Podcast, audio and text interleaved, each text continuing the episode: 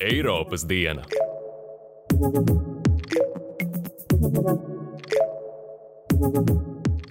Sveicināti Eiropas dienā! Es esmu Ansis Ivāns. Šajā podkāstu epizodē runāsim par kiberdrošību. Laikā, kad Covid-19 pandēmija ir padarījusi mūs atkarīgus no interneta sakariem, tīklu, ierīču un iestāžu drošība kļūst īpaši aktuāla, liekot šo jautājumu aplūkot arī Eiropas parlamenta līmenī. Jo mēs no vienas puses prasām arī, nu, ka visiem nu, no Eiropas perspektīvas visiem ir jādigitalizējās, visiem ir jāpārceļās ar, ar dažādām nu, tur gan grāmatvedības sistēmām, bet par primāru, protams, ar visādām preču pakalpojumu piedāvājumu lietām jāpārceļās uz internetu. Bet uh, to mēs varam patiesībā darīt tikai tad, ja mēs esam daudz maz pārliecināti, ka tas viss ir drošs. Otrs šīs dienas temats ir Eiropas pilsoņu iniciatīva, kas guvusi panākumus un ir sadzirdēta parlamentā. Proti, deputāti rosina līdz 2027. gadam pārstāvot lauksaimniecības dzīvnieku turēšanas prostos, lai uzlabotu to labturību. Thank you.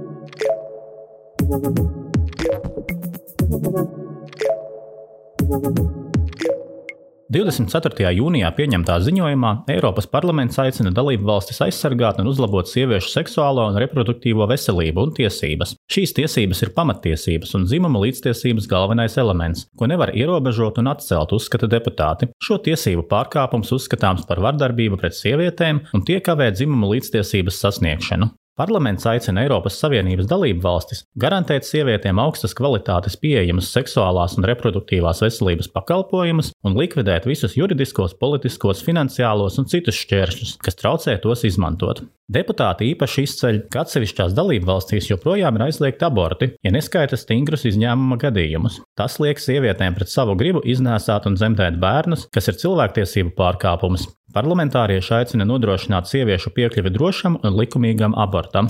Deputāti pauž nožēlu, ka dažas dalību valstis atļauj ārstiem un medicīnas iestādēm atteikt veselības aprūpes pakalpojumu sniegšanu reliģijas vai pārliecības dēļ, un līdz ar to apdraud sieviešu dzīvību. Parlaments mudina nodrošināt, lai skolās audzēkņiem vispusīgi mācītu dzimumu izglītību, kas var ievērojami palīdzēt mazināt seksuālo vardarbību un aizskaršanu. Tāpat parlamentārieši aicina atcelt PVN nodokli menstruācija produktiem, jeb tā sauktos tamponu nodokļus, kā arī nodrošināt šos produktus bez maksas ikvienam, kam tie vajadzīgi. Eiropas komisija 30. jūnijā nāca klajā ar savu ilgtermiņa vīziju par Eiropas Savienības lauku reģionu attīstību, rosinot tos padarīt stiprākus, savienotākus un pārticīgākus. No visiem Eiropas Savienības iedzīvotājiem gandrīz 30%, jeb 137 miljoni, dzīvo lauku apvidos, kas veido 80% no visas teritorijas. Ar jauno redzējumu Eiropas Savienības izpildu institūcija vēlas radīt jaunu impulsu lauku reģioniem, pārvarot digitālo plaisu un padarot apvidus ar zemu iedzīvotāju skaitu vai blīvumu par partneriem pārējai uz vidē draudzīgu saimniekošanu. Lauku apvidi bieži tiek aizmirsti, bet ir mūsu sabiedrības sirds, norādīja Eiropas komisijas viceprezidente demogrāfijas jautājumos Dubravka Šuica. Ignorējot geogrāfiju un teritoriju, Eiropas Savienības politikas veidošanā var nonākt pie tā, ko komisijas pētījumos raksturo kā neapmierinātības geogrāfiju, brīdina kohēzijas komisāre Elisa Ferreira un šī neapmierinātība var smagi atspēlēties gan politiskā, gan vēlēšanu ziņā,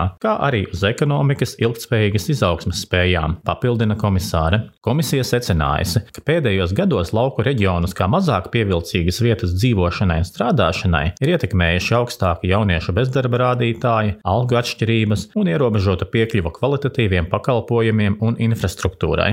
Joprojām sarežģīta ir digitālās infrastruktūras ieviešana. Piemēram, tikai 59% lauku mājsaimniecību ir piekļuve nākamās paaudzes platjoslas interneta sakariem, savukārt pārējās Eiropas Savienības daļās tas pieejams 87% mājsaimniecību. Iespēja panākt jaunu uzrāvienu laukos sniedz pārēja uz vidē draudzīgāku sabiedrību un ekonomiku, kā arī bioekonomikas un turisma nozara izaugsme, teikts paziņojumā. Eiropas parlamenta deputāte vēlas, lai Covid-19 dēļ noteikti ierobežojumi tiktu standartizēti visā Eiropā, vēsta portāls Euraktiv. Lai gan ir ieviests digitālais certifikāts, atsevišķas dalību valstis pašas pieņem lēmumus par ierobežojumiem, un, piemēram, izveidojusies situācija, ka Vācija pieprasa karantīnu vakcinētiem portugāļiem ar certifikātu. 29. jūnijā Portugālē notikušā preses konferencē norādīja deputāts Paulo Rangels. Viņš precizēja, ka runa ir nevis par ierobežojumu esamību vai nēsamību, bet vienādiem noteikumiem un standartiem katrai valstī, kad un pie kādiem inficēšanās apjomiem kādi drošības pasākumi ieviešami. Deputāts debatēs arī kritizēja faktu, ka Eiropas padome nav uzklausījusi parlamenta aicinājumu nodrošināt ceļotājus ar bezmaksas Covid-19 testiem. Tam piekrita arī deputāts no Slovenijas Klemens Grošels, norādot, ka Covid-19 testu cenas dažādās valstīs varēja no 30 līdz pat ap 100 eiro no cilvēka. Digitālajam certifikātam bija jābūt kā garantijai brīvai pilsoņu ceļošanai, taču tas tā pilnībā nav realizējies, viņš atzīmē.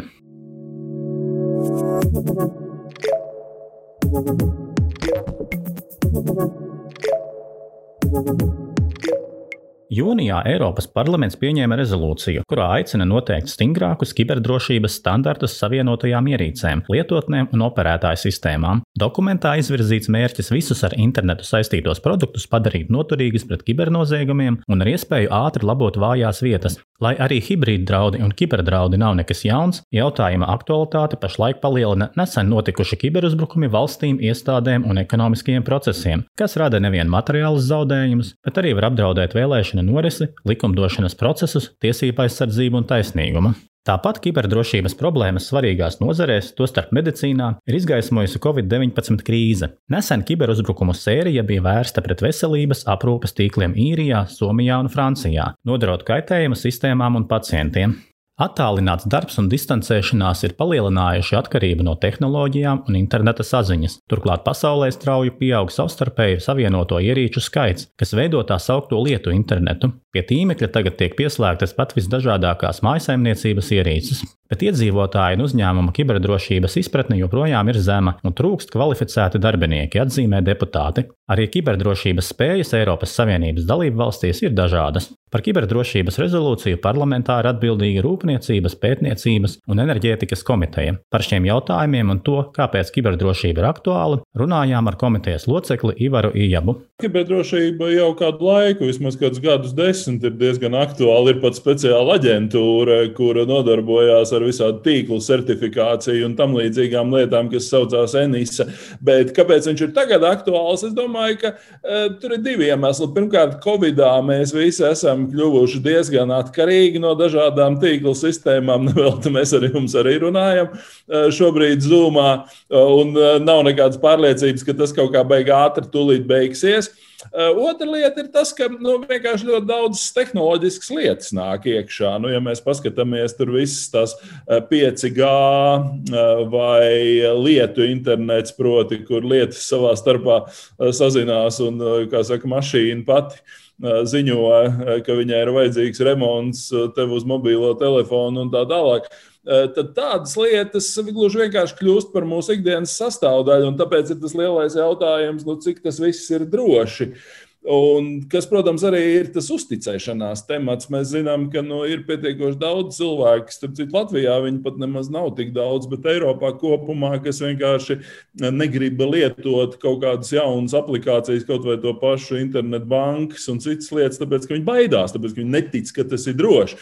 Vai nu, tas pats stāsts par elektroniskām vēlēšanām un tā tālāk. Kiberdraudu spektrs, ar ko saskaras iedzīvotāji, ir ļoti plašs, sākot ar krāpniecību un paroļu izvilināšanu līdz nopietniem uzmanībām uzbrukumiem vitālai infrastruktūrai. Tās kritiskās lietas, par kurām ir jādomā uzreiz, un ko arī Eiropas Savienība ir nodefinējusi, tas ir šīs sistēma drošība enerģētikā. Nu, kā mēs manījām, tad nesen Amerikā, kur it kā nejauši atslēdza vienu naftas vadu, vai ik pa brīdim tiek uzrīkoti kaut kādi, kā saka, aptumsumi, kur atslēdz elektrību, vai ne. Tad otra lieta ir transports, jo mēs redzam, ka it kā jau daudzos aspektos mēs virzamies uz nu, dažādos veidos autonomu transportu, vai ne. Nu, tās autonomās mašīnas vēl nav nav. Bet tāpat tās ir visādas, piemēram, lidostu sistēmas un šādas lietas, kur ir ļoti daudz to tīklu, visādi veidi. Nu, tad, lai tas būtu droši, un trešais ir veselība, kas eh, patiesībā ar Covid ir kļuvusi visnotaļ aktuāla, tāpēc, ka Covid apstākļos mēs esam eh, nu, šādas lietas pieredzējuši.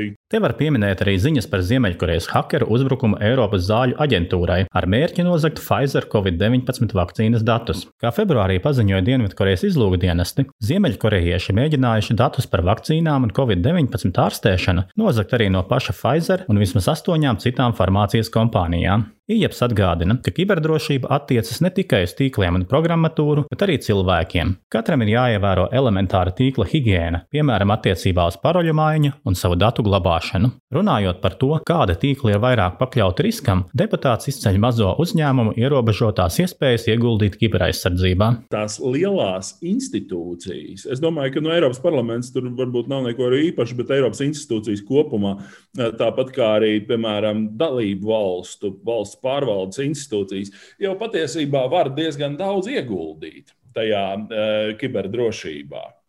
Un eh, tajā ziņā viņas savā ziņā ir pasargātākas nekā viens maziņš interneta veikaliņš. Un tā ir viena no lietām, par ko ir diezgan daudz jāizdomājās, eh, proti par tiem maziem vidējiem uzņēmumiem. Jo mēs no vienas puses prasām arī, nu, ka visiem nu, no Eiropas perspektīvas visiem ir jādigitalizējās, visiem ir jāpārceļās ar, ar dažādām uh, nu, gan grāmatvedības sistēmām, bet primāri, protams, ar visādām preču pakalpojumu piedāvājumu lietām jāpārceļās uz internetu. Bet to mēs varam patiesībā darīt tikai tad, ja mēs esam daudz maz pārliecināti, ka tas viss ir drošs. Parlamenta rezolūcija paredz noteikti kiberdrošības prasības produktiem un pakalpojumiem, kas saslēdzas tīklā un saistīti ar internetu. Mēs varētu uzlikt kaut kādu certifikāciju attiecībā arī uz visādām nu, ierīcēm, jeb kā tautā saka, gadgetiem, ko mēs pērkam. Respektīvi, cik ilgu laiku ražotājs viņai garantēja, ka viņi var droši strādāt kaut kādā tīklā. Jo mēs zinām, ka šobrīd jau tāpat tās visā Eiropā ir mm, darbojas visādas IT ierīces, kuras ir ražotas pirms gadiem 20. Un tad ir jautājums, nu, cik viņas ir drošas. Internetam, kā mēs zinām, pēdējā laikā slēdzas klāt pilnīgi viss, sākot ar gudrajām mājām un beidzot nezinu, ar leduskapiem un, un citām lietām. Tad, vai automašīnām, vai ne, kas ir liela tēma, tad tam ražotājam ir jānodrošina tev kaut kāds uh, Eh, gadu skaits, tāpat kā, piemēram, nu, tur jebkurai citai ierīcei ir garantija, tad būtu arī šāda veida garantija, kas vienkārši nodrošinātu to, ka ar šo ierīci ir droši iespējams kaut kādu laiku strādāt internetā. Un tad ir tas jautājums, cik ilgi viņi tev piedāvā updates. Protams, tajā visā ir arī kaut kāda šī ģeopolitiskā dimensija, jo Protams, ka tur ir klātesošs arī tas stāsts par Huawei un uh, visiem šiem te iespējamajiem drošības caurumiem. Un, nu, tā paralēlā līnija arī tajās rezolūcijās un komisijas dokumentos ir tas, ka no Eiropai ir jā, jāatgūst tas, ko viņi sauc par digitālo suverenitāti. Eiropas parlaments ar šo rezolūciju vēlas veicināt uzticēšanos internetam un tehnoloģijām, bet vienlaikus jāraugās, lai radošumu neiznīcinātu regulācija. Pirmkārt, mēs vēlamies panākt, lai cilvēki varētu uzticēties tām lietām un pakalpojumiem, kurus mums internets dažādos veidos piedāvā. Tādā veidā, protams, tā lieta ir arī nenoliegt to milzīgo pozitīvo potenciālu, kurš slēpjas tajā nu, dažāda veida jaunu digitālo tehnoloģiju izstrādē.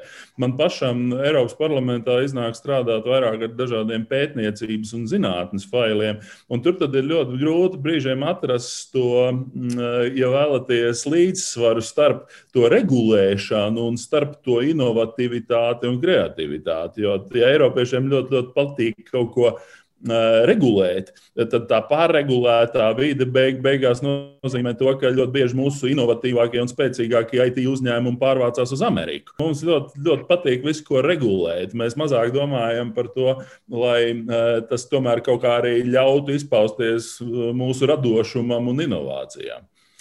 Tas ir tas, ar ko mēs saskaramies strādājot pie šiem dokumentiem. Līdzās šiem jautājumiem nevar aizmirst arī par pamatvērtībām, kas Eiropas Savienībā ir svarīgas un kuras aktualizē to starp mākslīgā intelekta izmantošana. Viena ļoti liela tēma ir, piemēram, sejas atpazīšana. Mēs zinām, ka de facto šobrīd ir jau iespējams atpazīt, nu, galu galā Facebook ar to jau kaut kādā mērā nodarbojās, atpazīt sejas pēc fotoattēliem un tā tālāk un tā joprojām.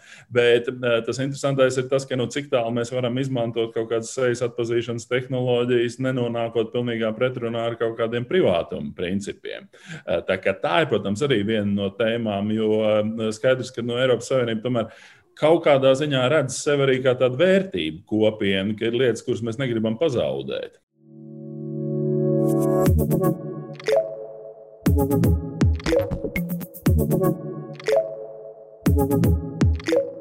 Starp jūnijā pieņemtajām Eiropas parlamenta rezolūcijām pievērsīsim uzmanību vēl vienai - par aicinājumu izbeigt dzīvnieku audzēšanas prostos.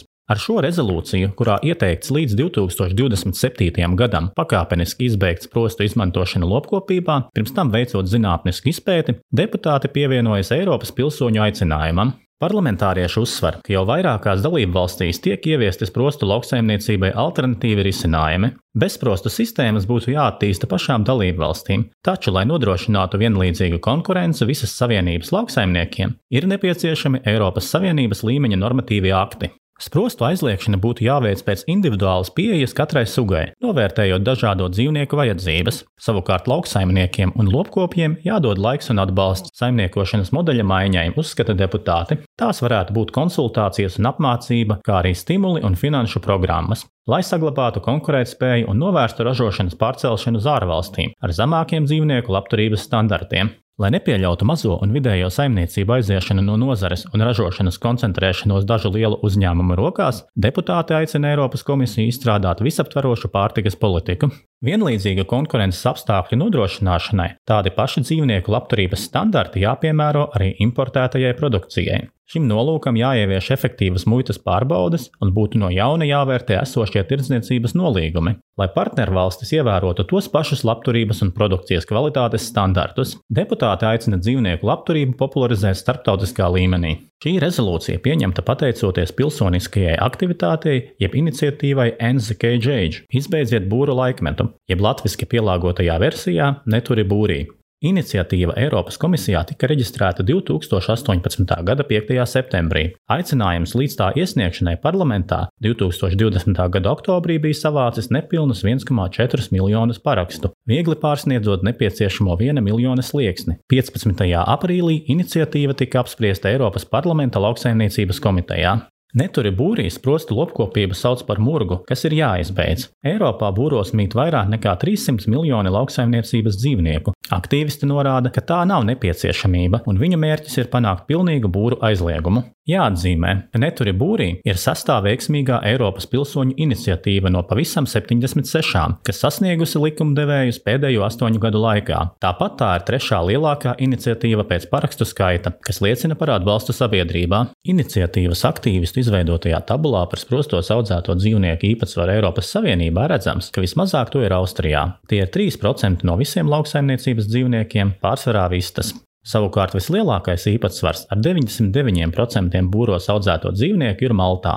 Latvija ierindota tabulas 22. vietā ar 82% sprostos audzēto lauksaimniecības dzīvnieku. Iniciatīvu paraksta vākšanas fāzē atbalstījis 3631 Latvijas iedzīvotājs. Latvijas ziemeļu kaimiņi Igauni ar 79% sprostu dzīvnieku atrodas viena pozīcija virs mums, bet lietuvieši ar 88% trīs pozīcijas zemāk 25. vietā. Kampaņa apvieno vairāk nekā 170 partnerorganizācijas no Eiropas valstīm. Latvijas gadījumā tā ir nevalstiskā organizācija Dzīvnieku brīvība. Vēl pirms Eiropas parlamenta 10. jūnija rezolūcijas vairākas dalību valstis jau iepriekš ir pašas lēmušas par pakāpenisku atteikšanos no dzīvnieku audzēšanas sprostos. Tās ir Vācija, Austrija, Luksemburga, bet kā pēdējā pērnā gada novembrī šādu lēmumu pieņēma Čehija. Jautājums gan nav tik vienkāršs kā pilnīgi visu sprostu automātiska aizliekšana. Nevelti rezolūcijā deputāti aicina balstīties uz zinātniski pamatotiem novērojumiem un secinājumiem un dzīvnieku sugu atšķirībām. Lauksaimnieku interešu pārstāvju norāda, ka realitāte ir daudz sarežģītāka. Iniciatīvā aicinot aizliegt visus sprostus, nav noteikta būra definīcija, bet dažādos dzīvnieku dzīves posmos var tikt izmantots dažāds ekipējums, piemēram, būri jaundzimušiem vai slimiem dzīvniekiem. Turklāt dažādiem dzīvniekiem ir dažādas vajadzības un prasības un automātiska atteikšanās no sprostiem nebūtu nenozīmētu visu dzīvnieku labsajūtas uzlabošanos. Ja sivēna māte netiek turēta gaidības prostā, viņas labturība var uzlaboties, taču tas nozīmētu sliktākus apstākļus sivēniem un augstāku mazuļu mirstību.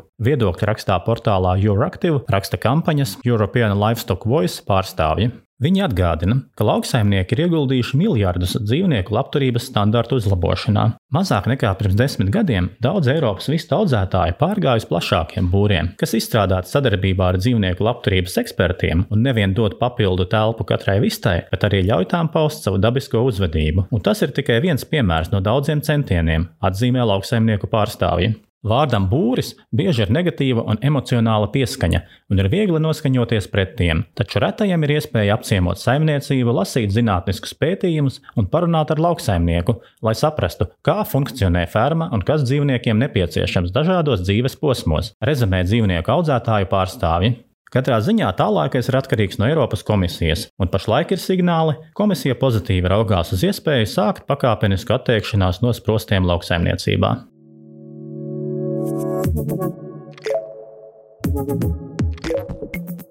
Raidījuma izveidi finansiāli atbalsta Eiropas parlaments. Par raidījumu saturu atbildīgi tikai tā autori, un Eiropas parlaments nav iesaistīts tā sagatavošanā.